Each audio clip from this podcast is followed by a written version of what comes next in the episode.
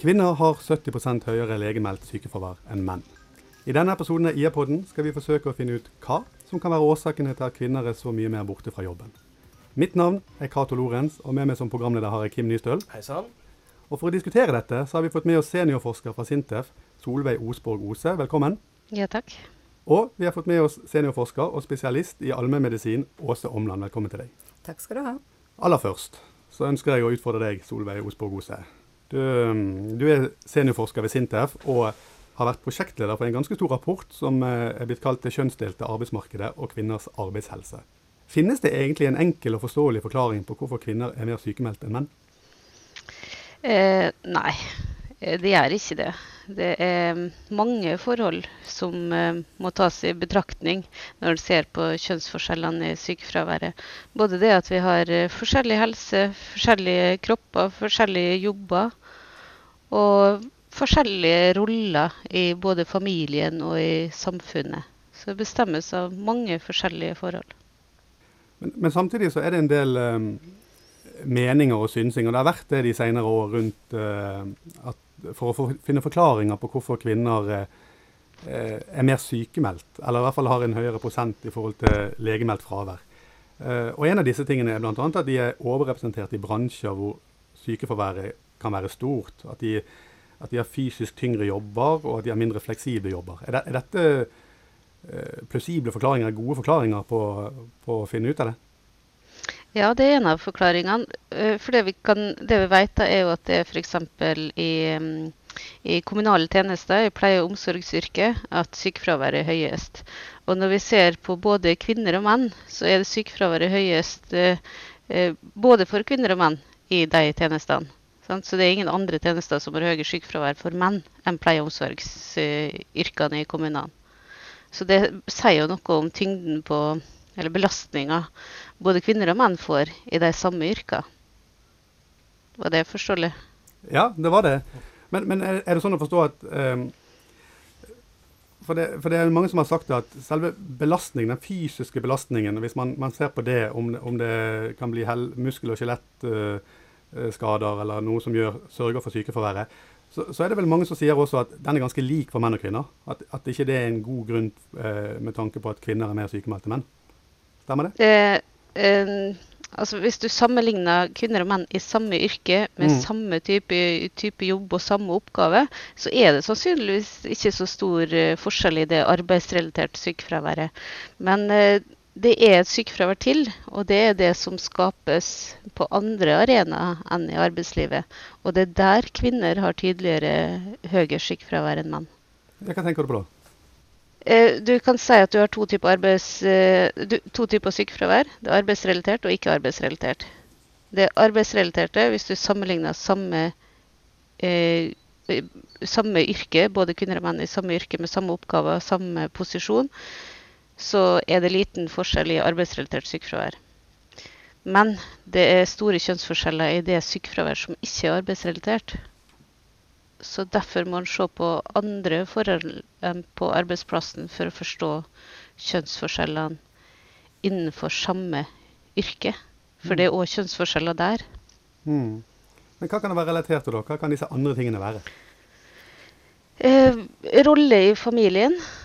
Det å um, det å ha mm, en større belastning i, av heimeoppgavene eh, kan være en av tingene. Eh, en annen ting kan jo være forhold i, mm, i samfunnet, da. Med at eh, kanskje kvinner må prestere mer for å få samme eh, anerkjennelse, f.eks. Så mange årsaker. Ja. Uh, og Somland, vi, vi, har ikke glemt det. Eh, du sitter her og noterer litt. Uh, vi snakker om et høyere sykefravær blant kvinner enn blant menn. Når du da har vært lege i så mange år som du har vært, uh, du slutta nå 1.4. Hvordan, hvordan merker du egentlig det når du tar imot pasienter i, i, det daglige? denne forskjellen? Er det noe du merker som lege? Ja, når jeg først sier når jeg jobba i de årene som allmennlege, så jobba jeg på ei veldig kvinnedominert liste, da. Så jeg hadde en høy overvekt av kvinner som pasienter. Um, så det mine erfaringer er jo litt pre, uh, prega av det. Men uh, det er litt uh, dette med eh, Det er helt klart dette med rollene. Hvordan de Hvilken rolle de har i livet som mor, datter, eh, kollega. Eh, og jeg så ofte at eh, hvis det var store belastninger i en familie, så var det litt påfallende hvis jeg kjente barna og, og kjente godt til hva som foregikk i den familien av store belastninger, så, så slo det meg ofte i løpet av de åra at eh, det, var, det, var, kvinnen som da ofte ble sykemeldt av de to voksne i familien. Eh, og det snakker jeg litt med en del av pasientene om i forhold til dette her med at det er viktig å dele på fraværet når en har store byrder i familien. Mm. Eh, og det har slått meg litt. Og det er jo litt sånn brannfakkel, kanskje, eller det høres litt sånn når jeg sier det som kvinne selv. Men jeg jobber en del med viktigheten av at vi også deler på sykefraværet i en familie. Altså at det er utrolig viktig for likestillinga. Jeg vet hva du tenker om det, Solveig? Jo, det tenker jeg er viktig. Og det vi ser, er jo at um, det er jo særlig der det er veldig tradisjonelle yrkesvalg. Eh, der han typisk jobber i teknologi og industri, og hun i helse og omsorg. Det er der den belastninga blir eh, veldig skeiv. At kvinnen tar veldig mye av de omsorgsoppgavene og tar mye av belastninga. Så jeg bruker som eksempel da, hvis du har eh, en, eh, et eh, eldre par da, som har tre voksne unger. Ene er rørlegger, andre snekker og den tredje sykepleier. Hvem er det som tar de omsorgsoppgaven da, for de gamle eldre? Og det er jo ja, sjelden det er rørleggeren, da, kanskje.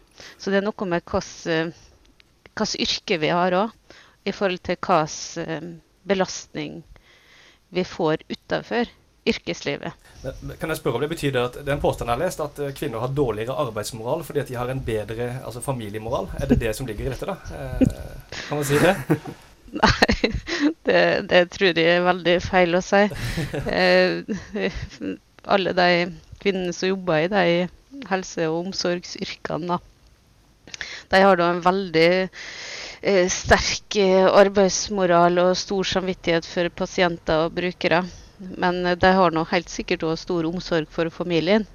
Så det er kanskje det at det er de som har de omsorgsoppgavene, som får en litt sånn dobbel belastning. da. Det blir for mye, for mye kanskje. Ja, og det, jo, og det, er jo en av disse hypotesene som, som, eh, som går, eh, som skal forklare noe av, av kjønnsforskjeller. Og det er jo det som blir kalt dobbeltarbeid-hypotesen, sånn som jeg har forstått det. Men, men, det er jo noen som sier at den ikke har særlig betydning, og at, at, at den ikke kan, i hvert fall ikke alene forklare uh, disse forskjellene. Ja, det var litt så blanda resultat her. og Det de har sett på i forhold til dobbeltrolle uh, Jeg har ikke analysert det sjøl, men det de andre forskerne har sett på, er særlig i forhold til barn. Og der er litt sånn mixed eh, resultat. Frischsenteret fant jo at det å ha barn ikke økte sannsynligheten for sykefraværet.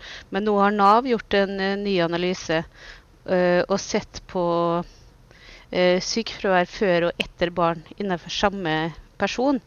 Og de har funnet ut at det å få barn øker sykefraværet. Så det, det, er jo greit. De fleste forstår jo at en småbarnsperiode eh, er mer belastende både for jeg skulle til å si, kropp og sjel, vi som har vært der. Men eh, i forhold til dobbeltarbeid så er kun det som har vært studert, det å ha unger. Men jeg tenker at det å ha gamle foreldre blir mer og mer viktig, og jeg tror det kommer til å få større og større betydning da, for den belastninga vi, vi får. Fordi at det er forventa at uh, vi som pårørende skal gjøre mer, og foreldre lever lenger. Så det blir lang periode der vi er omsorgspersoner for våre eldre. Mm. Når du sier det, så, så, har jeg tenkt litt på dette her eh, med Vi snakker mye om arbeidsliv og familieliv og få barn og, og være i arbeid. Men jeg lurer på om mye av dette her har satt seg mye tidligere hos gutter og jenter, altså i oppvekst, i forhold til hvordan vi sosialiseres.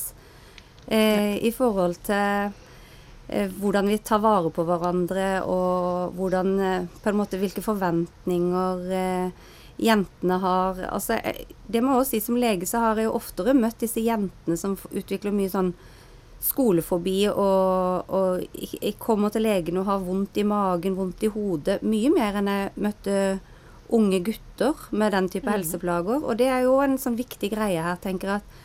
Sykefravær, der er det en kjønnsforskjell, ja. Men det er også en kjønnsforskjell i sykdomsatferd og helseplager. Og kvinner går, og jenter og kvinner går oftere til lege enn en gutter og menn. Ja, helt klart. Det gjør de. Og altså, jeg trenger ikke gå lenger enn til egen familie. Jeg har en gutt og en jente. Og jenta er 16, og gutten er 13. Det, det, du kan si at det er så enkelt som at jentene føler for mye, og guttene føler for lite. Nesten så enkelt er det. Mm. Så det setter seg tidlig. Og det, og Ja, altså, ja. Ja, vi, ser, vi ser det f.eks. på diagnosefordelinga i psykiatrien, i, i BUP f.eks. At gutter får sånn atferdsdiagnose, og jenter får sånn eh, internaliserte følelser. Eh, Diagnose som handler om emosjoner og affeksjoner, mens gutter har atferd. Så det er, en, det er en forskjell som er synlig veldig tydelig, iallfall innenfor psykisk helse. Mm. Ja, og det er litt som Det har jeg tenkt som lege at åh, nei da, vi møter da pasienten vår på akkurat samme måte, samme om de er dame eller mann, men det gjør vi jo ikke. Altså, man møter pasienter eh, Altså, det er jo gjort arbeider på det som viser at eh, kvinner og menn får, får samme type helseplager, får ulik type utredning og ender opp med ulike diagnoser. Mm. Og en av de tingene Solveig Osborg sier, er jo at jeg- Jeg tror det kom frem i rapporten som du har vært prosjektleder for, um, at diagnosekartet, hvis man kan kalle det det, som legene bruker, altså det, det passer bedre menn enn kvinner. Så jeg har lyst til å høre med deg også. Stemmer det? Er det, er det vanskelig? Hvilke type plager er det de rapporterer, kvinner som kommer på legekontoret? Ja, om diagnosekartet stemmer eller ikke, men vi, jeg har i hvert fall veldig Altså når vi snakker om sykefravær og en hører om statistikk, så er det klart at det vi kan ta utgangspunkt i, er sykemeldingsdiagnosene. Eh, ingen kan få en sykemelding uten at det står en diagnose på blanketten.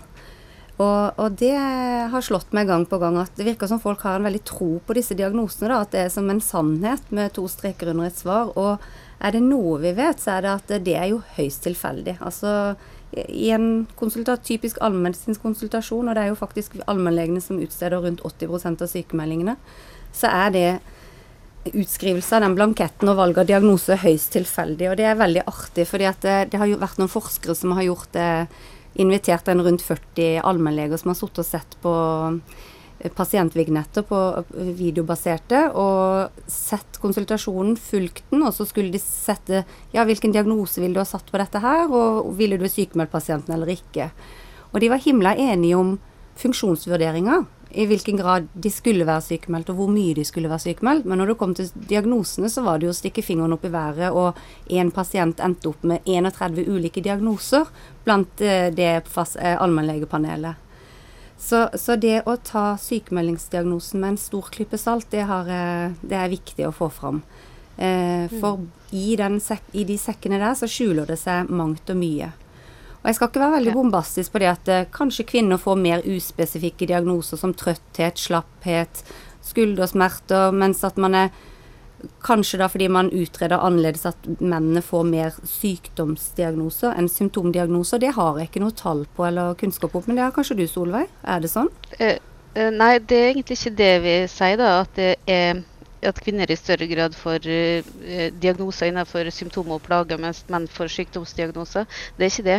Men det er hele diagnosesystemet med at eh, kvinner får sånne samlekategorier da, med lidelser.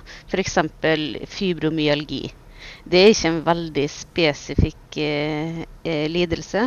Mens kanskje eh, mannssykdommer er mer spesifisert, utreda, forska på, veit mer om behandling. Sant? Vi vet jo at det er forska mye mer på, på menns sykdommer enn for kvinnesykdommene.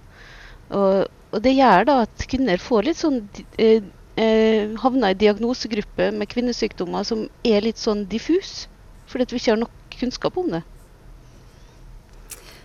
Ja, det har du. Altså, det er jo eh, noe av det som jeg har forska på også. Dette såkalte medisinsk uforklarte plager og symptomer. Eh, MUPS-begrep, altså som er sånn sekkebegrep da, som rommer disse tilstandene som du nevnte, fibromyalgi, kronisk utmattelsessyndrom. Eh, men jeg er litt uenig med deg når du sier at det er jo spesifikke lidelser. Eh, det, det, er det. Jo, men eh, vi har ikke forska fram en effektiv behandling, slik som vi f.eks. har for eh, hjerteinfarkt, eh, høyt blodtrykk. Eh, der vi har veldig tydelige behandlingsmetoder, eh, metoder. Da. Ja, nei, det, og det finnes mye forskning og god kunnskapsbasert eh, behandling for også tilstander som fibromyalgi og kronisk utmattelsessyndrom, men det er disse tilstandene da som vi typisk ikke har de harde objektive funnene for, og mm. ikke kan gjøre noe teknologisk avansert behandling som er hel helbredende. Mm. Um, og du har helt rett i at det er jo flere kvinner som får disse symptomdiagnosene, eller disse syndromene som fibromyalgi og kronisk utmattelsessyndrom, men det er jo også kanskje en av mytene da, som jeg er litt opptatt av å slå litt i hjel, for det fins eh, absolutt menn med disse diagnosene også, men eh, det er en veldig utprega holdning at eh, kvinner med, middelaldrende kvinner med lav utdannelse og kanskje noen tidligere livsbelastninger og dårlig tilknytning til arbeidslivet, det er de som typisk ender opp med disse eh, diagnosen som fibromyalgi og kronisk utmattelsessyndrom. Men, men det, finnes, det er jo på en måte en sannhet med store modifikasjoner, for det finnes jo både unge og eldre med det. og både kvinner og mm. menn. Og jeg har sjøl gjort forskningsarbeid hvor eh, det viser seg at eh, en fjerdedel hadde høyere utdanning, eh, og rundt 50% hadde en sterk tilknytning og var i pågående arbeid. Så, så det, det, er liksom litt myteomspunnen, dette her med at den middelaldrende kvinnen eh, som typisk får fibromyalgi, er sykemeldt eh, litt denne. Som jeg syns det er litt viktig å utfordre litt, for det er noe med holdningene våre og til disse tilstandene. For å løfte det litt opp, for det er klart at dette er lavstatussykdommer. Ja, og det er det som er problemet. Sant? At det er lavstatussykdommer som har fått eh, lite oppmerksomhet. Og det der eh, kvinnehelseutvalget i Norge i 1997 det fant jo at det var mangel på, eh, på eh, forskning på kvinnesykdommer. Og særlig de, de som ja, de som er de store samlekategoriene, de som mange havner i. Mm. Eh, kanskje vi kan kalle det MUPS. Kanskje det, det er riktig, det. Eh, men de fant jo da at det var veldig skjevt, og så gjentok de samme analysen ti år etterpå, og de fant ut at ingenting har skjedd. Og da tenker jeg at det, det handler om hvordan eh, medisinsk forskning eh, prioriterer, og det gjør det fortsatt. Ja, det, det, det, er spennende å høre på. Jeg, ønsker å spole bitte litt tilbake. Også, for eh, Vi var inne på dette tidligere, eller dere var inne på det i forhold til dobbeltrollehypotesen, eller dobbeltrolle til kvinnen. Og så er det noen som Eh, har eh, lansert en eh, ja, hva skal vi si, en, en tanke om noe som kalles trippelrolle. Trippelroller. Og det er da Arnstein Mykletun som har vært i beste sendetid på NRK og lansert dette. Og det handler om Han snakker om en X-faktor. Du har jobb for kvinnen, du har familie, men så har du dette, denne X-faktoren som, som han da karakteriserer som man skal ha et perfekt hus, man skal pusse opp, man skal se bra ut, fasade osv. Litt interessert i å høre hva dere tenker om den. Solveig? jeg syns det er artig når eh, menn eh, driver og synser om eh, kjønnsforskjeller i sykefravær. Da. Eller kvinners sykefravær. Men altså det har ingen belegg i forskning. da. Eh, det å ha flere roller er jo på en måte en fordel. Og det er jo de friskeste og de sterkeste som klarer å ha inna mange roller. Så, og det at eh, vi kvinner blir så syke av at vi skal prøve å være perfekte hele tida, det syns jeg er veldig rart. Det, det, altså, det vi kan si det med kvinner og perfeksjonisme og opptatt av utseende og og lakke tåneglene og sånn, det er en viss fase i livet for de fleste. At det er i ungdomsfasen da han driver og finner seg sjøl og uh, sminker seg på rare måter og går med alle mulige slags hårsveiser. Da er vi nok uh, ganske sjølopptatt. Men sånn når en uh, kommer seg over ungdomsåra og tidlig voksenliv, så tror jeg de fleste kvinner er ganske gode til å prioritere. Og egentlig ikke har den X-faktoren, da så veldig høyt oppe. At det er jobb og familie, det er det det dreier seg om. Og hvordan har det hjemme er jo selvfølgelig veldig individuelt, da, og kan, kan legge vekt på. Ja, og så, du, Ja. Du, tre- du treffer jo mange av disse. Er, er han, er han Myktetun helt ute å kjøre, eller er, har han et poeng? Nei, jeg syns det er litt festlig altså, å snakke om en faktor X. Det blir eh, litt tilbake til det vi snakket om i sted. Det blir som å tro på at vi skal finne faktor, faktor X er årsaken til fibromyalgi eller kronisk utmattelsessyndrom. Det blir like reduksjonistisk og forenkla tankegang. Eh, og jeg tror det er utrolig viktig det Solveig sier, det med det å faktisk ha mange roller, er, da er du en mestrer. Du, du, du har ei god helse. Du mestrer eh, mangt og mye på ulike arenaer. Og eh, det er på en måte ikke min erfaring som lege når jeg møter eh, eh, Det er ikke det at de har så mange roller. Eh, tvert imot så har de en sterk Nå tenker jeg på en typisk kvinne i et pleie- og omsorgsyrke, jobber kanskje deltid, har ikke høyere utdanning. Eh, men har en utrolig sterk eh, tilknytning til arbeidslivet. Har en stolt identitet knytta til jobben sin. Strekker strikken veldig langt for å være der og ta etterutdanning og være godt til stede for de brukerne hun jobber for. Eh, og da er det ofte min erfaring når jeg møter disse kvinnene, at det, de er veldig gode på å legge lista lavt på andre roller i livet. Og holde det med arbeid og selvfølgelig ta seg av familie og være til stede for barn. Men det er så langt fra min virkelighetserfaring i hvert fall, at de da skal ha perfekte hjem og se perfekte ut og trene så og så mye osv. Og, så eh, kjenner de ikke igjen. Men, men jeg tror jo at uh, vi har kommet litt eh, lenger nå, da. At det er ikke bare forhold på individnivå. Vi har begynt å se på f.eks. HMS i kvinneyrker. Hvordan står det til der? Og det jeg har funnet så langt, er jo at eh, de kvinnene som jobber i førstelinjetjenesten, da, eh, de for å berge systemet og knapphet i offentlig eh, sektor, så driver de og tar en individuell belastning daglig for å rett og slett eh, berge systemet som er for dårlig finansiert. Og de tar den eh, individuelle belastninga sjøl, på seg sjøl, og så går de sånn hver dag og tar litt mer belastning og, enn de egentlig burde. Og til slutt da så får de en, eh, en overbelastning. Og kanskje kan vi snakke om en emosjonell overbelastning. Fordi at det er veldig mye Alt dreier seg om pasientene og brukerne. De kan ikke sette seg inn på et kontor og bare tenke helt andre tanker. De må hele tida være der med brukerne og, og pasientene. Så jeg, jeg tror det er noe med at ja, de jobbene der er, i førstelinja er ganske mye tøffere enn vi har trodd. da. Mm. Kan jeg få spørre dere begge to? For jeg sa jo innledningsvis at det finnes ingen dumme spørsmål. Eh, derfor så, så har jeg et, eh, et spørsmål jeg ønsker å stille. Men vi snakker om kvinners eh, høye sykefravær. Og eh, jeg kan begynne med du, eh, Osborg Ose. Er dette egentlig et problem? Eller, eller hvorfor er dette et problem? Kan du si litt om det? Altså, jeg, syns, jeg syns det er et problem når at uh, kvinner får beskjed om å skjerpe seg. Da, Mm. da syns jeg det blir et problem når vi vet at mange av de langtidssykemeldte kvinnene er det fordi at eh, de har uh, slitt seg ut i jobben. Så da tenker en heller må se på hvorfor, de, hvorfor det er noen i yrket som skaper så mye sykefravær. Hva er den belastninga? Så må man prøve å sette inn og finne ut og forske fram eh, eh, forebyggingstiltak. Jeg syns det er en mye bedre strategi enn å drive og snakke om at eh, ja, kvinner er så opptatt av hvordan huset ser ut og Ja. Nei. Ja, og det tenker jeg er- viktig, og jeg har forstått at det er per i dag kanskje litt for lite forskning på rundt typisk hva som gjelder på typiske kvinnearbeidsplasser, altså forhold på arbeidsplassen.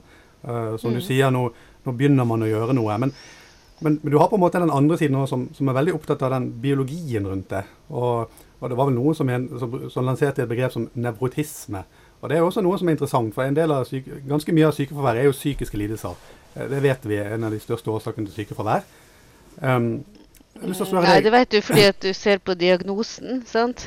Og eh, som eh, som allmennlegen sier her, at det er jo ganske tilfeldig hvilke diagnoser som blir brukt. Eh, så når du sier psykiske lidelser, så er det aldri snakk om altså det, er ikke, det er ikke alvorlige psykiske lidelser. Det er ofte en overbelastning og en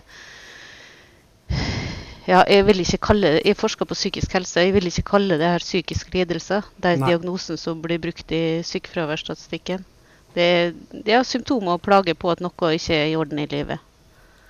Ja, men, eh, men det, det er litt interessant likevel. for en type Professor i sosiologi eh, Arne Mastegård som snakker om vi må se mer på helseforskjellene mellom kvinner og menn. Og, og eh, Bør vi det? Bør vi se mer på den biten der? Er de, er de, har de større anlegg for å, for å utvikle angst, depresjoner, nevrotisme som blir brukt som begrep? Eh, Har kvinner større mulighet for det også, omvendt? Oi. Nei, det tror eh, Altså, det, det er jo Biologi er jo absolutt ikke uvesentlig her. Eh, eh, vi har jo biologiske kjønn, og vi har ulike kropper og hormoner og belastninger eh, som vi gjennomgår i forhold til svangerskap og fødsel og ammeperioder osv. Så, videre. så det er klart at, at det er noen forskjeller her. Men det blir så forenkla igjen, syns jeg, å tenke på hvis vi i sykefraværsdebatten blir utrolig fokusert på de biologiske forskjellene, for jeg tror vi da ofte går i baret på å glemme Altså, På engelsk, når jeg leser litt sånn engelsk litteratur, så vi, om, vi har jo bare ett ord for kjønn på norsk. Altså, vi snakker om kjønn. Men på engelsk så har de sex and gender. Altså sex som det biologiske kjønn, og gender som det sosialt konstruerte kjønn. Og det er det siste jeg er veldig opptatt av. Altså hvorfor Det der med hva er det som gjør at jenter tidlig får en kanskje litt annen sykdomsatferd og kjenner mer etter og eh, ditto går mer til lege enn det guttene gjør. Altså det, det er noe som allerede etablerer seg veldig tidlig hos jenter og gutter, tror jeg. Og så blir vi som forskere da veldig opptatt av arbeidsliv og fødsler og dobbelt og trippel. Men jeg tror vi må på en måte tenke det, det er ting som etablerer seg mye tidligere i livet. Og ikke vet jeg hvordan man skulle ha forska på det, men det kan kanskje Solveig ha noen tanker om? Nei, det er jo ikke det er jo ikke noe enkelt sak, det. Vi kan ikke begynne å eksperimentere voldsomt med ungene våre heller. Eh, men eh, det er klart at noen eh, medfødte kjønnsforskjeller er det. Hvis det ikke hadde jo ikke vært vits at vi hadde flere kjønn. Så jeg tenker at eh, den kjønnsdebatten er den bør foregå på veldig mange plan. da. Men hvis en skal tenke mest mulig konstruktivt, da, så tror jeg at den største forskjellen i dag på kvinner og menn i arbeidslivet er jobbene de har. Mm. Og så tenker jeg at det er der det er mulig å gjøre noe. Hvis ikke må vi begynne med gen, eh, genmodifisering av, av foster da, for å få kvinner og menn lik. Men da er vi veldig i fare for å utrydde oss sjøl som art. da. Så, så vi må vel kanskje si at det er bra at det er kjønnsforskjeller på mange, mange plan. da. Eh, og så er det kanskje ganske mye av det kjønnsforskjeller i sykefraværet som er helt naturlig. Men så vet vi at sånn som arbeidsmarkedet er i dag, så har typiske kvinneyrker en større belastning, både psy psykisk og fysisk, enn de typiske mannsyrker. Fordi at eh, det har vært så store endringer i arbeidslivet. Industrien er såpass mye eh, robotisert og automatisert, sl slik at du har ikke den tunge oppgaven der lenger. Mens kvinneyrker er i liten grad vært omfattet av teknologisk utvikling som har gjort de yrkene lettere. Da. Så jeg tror kanskje vi kan begynne å tenke på kvinner i førstelinjetjeneste som nye tungindustrien, og så må vi prøve å beskytte det på samme måten som vi gjorde i tungindustrien. Ja, og kanskje viktigst av alt også prøve å få et mindre kjønnsdelt arbeidsmarked. Da. Hva det vi skal, altså Hvilke insentiver kan samfunnet legge til rette for at menn får insentiver til å velge typisk kvinnedominerte yrker? For motsatt så er det jo sånn. altså Kvinner får insentiver til å velge veldig mannsdominerte yrker og blir eh, kvotert osv. Men, men eh, det, det er jo det der med det kjønnsdelte arbeidsmarkedet eh, som eh, er veldig, veldig tydelig i vårt land i forhold til både altså horisontalt og vertikalt. Altså En mannlig sykepleier jobber sjelden ute i pleien i, i, på gulvet i hjemmesykepleien i kommunen, men har oftere en er det ikke sånn at den mannlige sykepleieren har oftere en ledende, mer administrativ stilling? Eh, det, er- det er liksom en sånn kjønnsdeling der også. Mhm. Stemmer ikke det? Jo da, den eh, vertikale kjønnssegregeringa er veldig tydelig. At, kvinner, at menn posisjonerer seg høyere oppe i systemet enn kvinner. Mm. Uh, med sykepleiere uh, så er det helt klart mitt inntrykk også at menn i større grad søker seg eller mannlige sykepleiere har søkt seg til spesialiseringer og lederoppgaver enn kvinner. Så de som blir gående igjen på de tyngste sengepostene, er jo ofte kvinner. At det er bare kvinner på de tyngste sengepostene. Eh, og ingen av dem eh, jobber i full stilling, for det er for tøft. Og da tenker jeg Man begynner å se på hvordan man har definert full stilling òg. På noen plasser. At når ingen klarer å jobbe det, så er det kanskje feil definert i forhold til antall timer. da. Så det er mange ting. Mm. Og, en- og en annen ting er vel eh, Det er mulig noen har vært inne på det her nå. eh, vi har snakket mye. Men når vi snakker om forhold på arbeidsplassen og typiske kvinnearbeidsplasser og, og den emosjonelle børen de ofte tar i møte med bruker eller møte med pasienter eller møte med barn eller alt etter som, som er typisk på disse arbeidsplassene. Men, men det er vel sånn at disse arbeidsplassene eller disse øh, jobbene fremdeles også er ganske lavtlønte, ikke det? Og, og det har vel litt å si, tenker jeg, i forhold til um, denne debatten. Med at uh, de tjener mindre. Eller? Ja da, og det er klart at kvinnedominerte yrker er mye mindre verdsatt i arbeidsmarkedet enn mannsdominerte yrker. Eh, enn så lenge, kan vi kanskje si. Eh, Fordi at vi vet jo at det vil bli behov for, eh, økt behov for helsepersonell i åra som kommer. Så det kan hende at eh, eh, den forskjellen utvikles over tid med konjunkturer og med behovet i arbeidsmarkedet. da. Men sånn som det er i dag, så betaler det seg mindre å jobbe i kvinneyrker enn i mennsyrker. Eh, Solveig, eh, jeg må spørre om det også. I forhold til tematikken. eh, Dette med dagens sykelønnsordning, hva har den å si, tror du, for de tallene vi ser? Det, det er vanskelig å si, men jeg tenker at hvis den skal, hvis den skal på en måte stramme inn på velferdsytelsene, da, så må en tenke på hvem det er som blir ramma. Og jeg tenker jo, hvis vi ser på de med høye sykefravær, eh, hjelpepleiere, helsefagarbeidere i kommunal eh, førstelinjetjeneste, så tenker jeg at det blir de som blir mest eh, ramma, da. Fordi at de bruker sykelønnsordninga mest. Og så tenker jeg at er det en pris eh, Eller er det en belastning vi har lyst til å gi dem? Er er det lurt?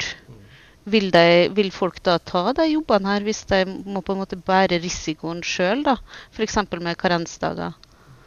Det Ja. syns jeg er litt sånn eh, spennende å se. Altså det med Mange snakker om eh, ja, vi må bare få karensdager, da ordner alt seg. Altså, det er jo faktisk et utrolig viktig eh, velferdsgode som vi, vi har i samfunnet. Og jeg mener jeg har lest en gang at eh, på 70-tallet, når, det- når Norge hadde karensdager, så var det faktisk en veldig profilert høyrepolitiker, Jo Benkow, som eh, talte varmt for å ende, gjøre ende på disse karensdagene. fordi at det, de som hadde funksjonærstillinger og ledende stillinger, de hadde jo det i sin arbeidsavtale, de.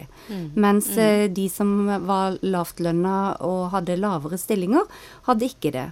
Og det er det jeg er helt sikker på at vi kommer igjen. Altså Ikke kom og fortell meg at hvis Norge tar bort den velferdsordningen der, så vil alle ledere i private næringsliv og andre ledende stillinger også inne, inne i det offentlige i sin arbeidsavtale få at de selvfølgelig ikke skal ha karensdager, og da blir det økte sosiale forskjeller. Og det er det noe vi ikke trenger, så er det det. For det er jo et økende problem i landet vårt. Da blir noen hardt ramma, ja. Mm. Ja.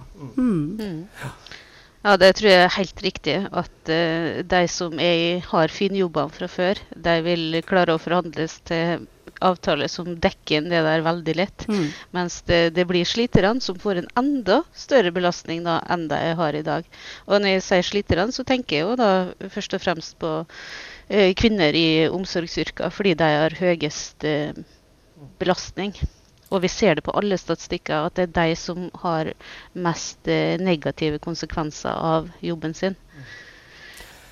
Jeg kan spørre dere begge til slutt om dette. fordi at eh, Det er jo ingen fullgod eller helhetlig forklaring på det vi snakker om. Denne svære eh, tematikken. Eh, og så må man kanskje ha kunnskap da, for å klare å redusere sykefraværet blant eh, kvinner. Men hva, hva tror du, eh, Solveig, man trenger mer kunnskap om i Norge for å få ned sykefraværet eh, til kvinner?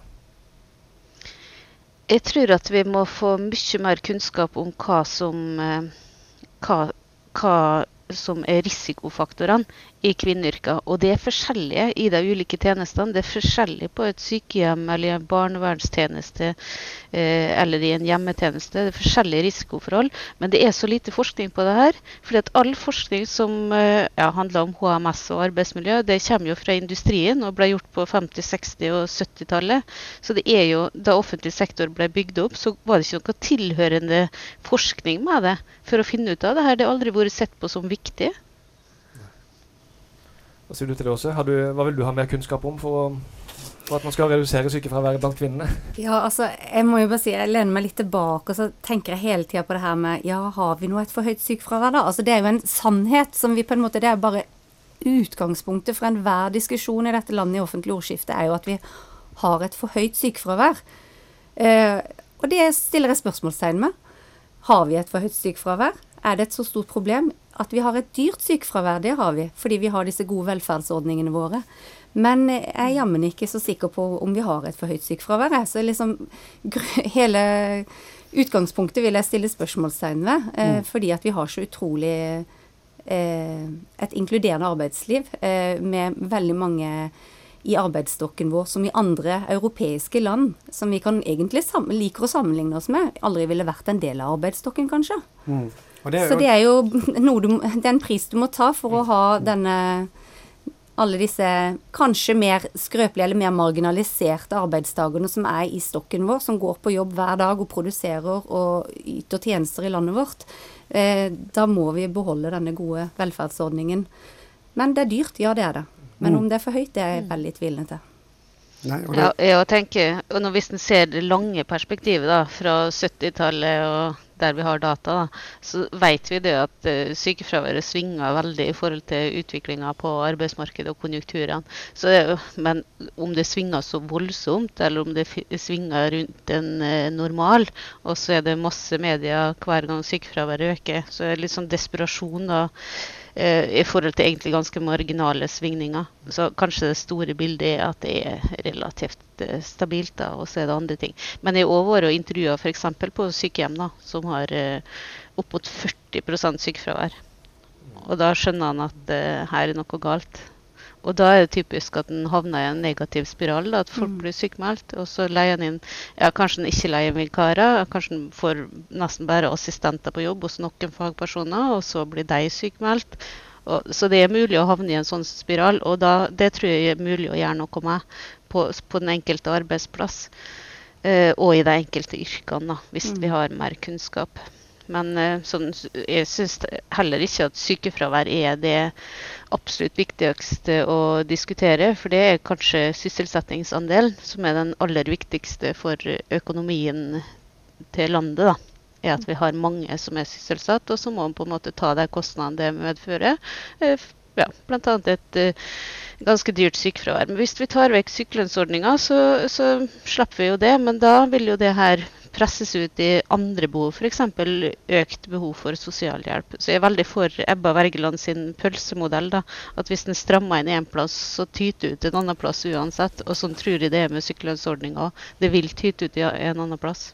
Og det er jo litt interessant, Du nevner Ebba Wergeland, og for de som ikke kjenner hun, så er hun ja, Mange bruker ordet guru innenfor sykefravær og har vært en talsperson for eh, for eh, det, den tematikken i mange mange år. Og, og hun har jo også sagt at uh, vi egentlig bør bare godta å få et høyere sykefravær, sånn at vi kan inkludere flere av de som står utenfor arbeidslivet, uh, inn, på, inn, i arbeid.